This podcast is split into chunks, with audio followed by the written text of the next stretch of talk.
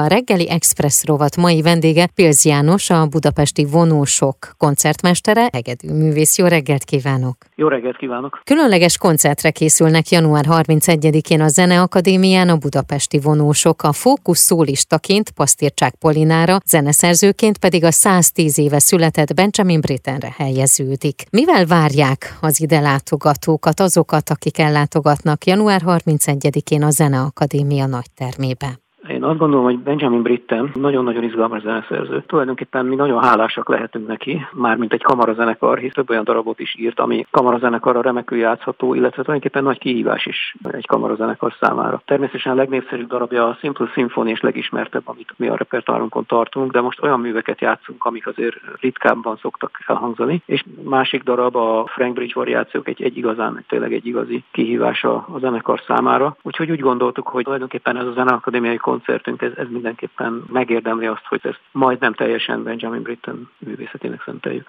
Hogy fog felépülni a koncert? Itt majd úgy is szóba fog kerülni Pasztircsák Polina szoprán énekművész is. Így van, tulajdonképpen Polina azt hiszem, hogy több oldalát is megmutathatja, hiszen Mozart egy nagyon közkedvelt és közismert Mozart motettát, az Exultata jubilátét is el fog énekelni. Benjamin Britten az Illuminations című műve mellett, úgyhogy neki ez egy igazán, azt hiszem, hogy egy nagyszerű lehetőség arra, hogy, hogy hát tényleg több oldalát bemutassa az előbb említett Frank Page variációk mellett, ami tulajdonképpen egy nagyon reprezentatív vonózenekari mű, mellett igazából lesz még egy olyan darab, ami nem Benjamin Britten írt, de tulajdonképpen róla szól, és az Arvo Pertnek a műve, a Cantus in Memory of Benjamin Britten című darab, ami szintén egy nagyon érdekes darab, hiszen a vonózenekaron kívül még egy harang is szerepel. Tulajdonképpen Benjamin Britten halálára írt darabról van szó, egy nagyon-nagyon érdekes, egy nagyon egyedi hangvételű, és ez egyik legnépszerűbb Arvo Pert darab, amit elő adni ezen a koncerten. De tulajdonképpen talán a két nagyon fontos darab az tényleg a Frank Bridge variáció uh-huh. és az Illumination című Benjamin Britten darab lesz, és hogy azért a klasszikusok is szóhoz jussanak, így fog elhangzani a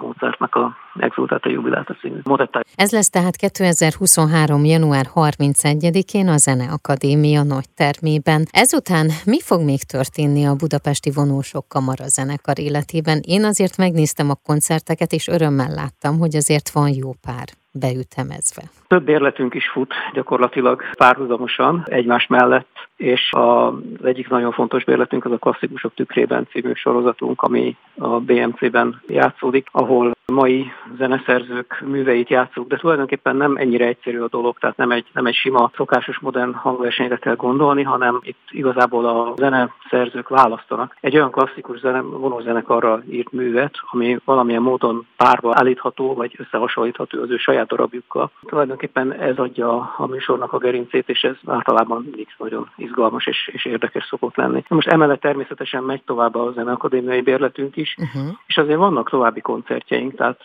közvetlenül a 31-i zeneakadémiás bérleti koncert után a Műpa és a Fesztivál zenekar által közösen szervezett Prokofjev maratonon a Prokofjev Péter és a Farkas című darabját is eljátszuk, úgyhogy most igazán nagyon sok feladata van a zenekarnak, és hogy nem csak sok, hanem nagyon sokféle is. Tehát tulajdonképpen olyan darabokat is játszunk mostanában, amik, amiket egyébként ugye egy, egy honós kamarazenekar ritkán tűzhet a műsorára. Minden pontos információt, illetve a koncerteket a budapesti vonósok.hu weboldalon megtalálnak, és akkor itt meg tudják nézni, hogy mi az, amire a legjobban szeretnének ellátogatni, de én remélem, hogy mindegyik koncertelt ház előtt lesz. Én még egy dologra szeretnék rákérdezni, mert azt láttam, hogy lesz a Csengeri Dániel Holle anyónak a bemutatója. Ez ugye egy gyerekopera, a műpa pályázaton ezt megnyerte a Csengeri Dániel. Ugye jók az információ? Jók. Igen, igen, igen, így van, abszolút, igen. Ez nagyon várjuk, igen, és ez, és ez is egy, egy kiváló alkalom lesz, és többször is fel tudunk vele lépni, tehát nagyon várjuk ezt az előadást. Köszönöm, még sokszor beszélgessünk. Én is, és nagyon szépen köszönöm. Köszönöm. köszönöm.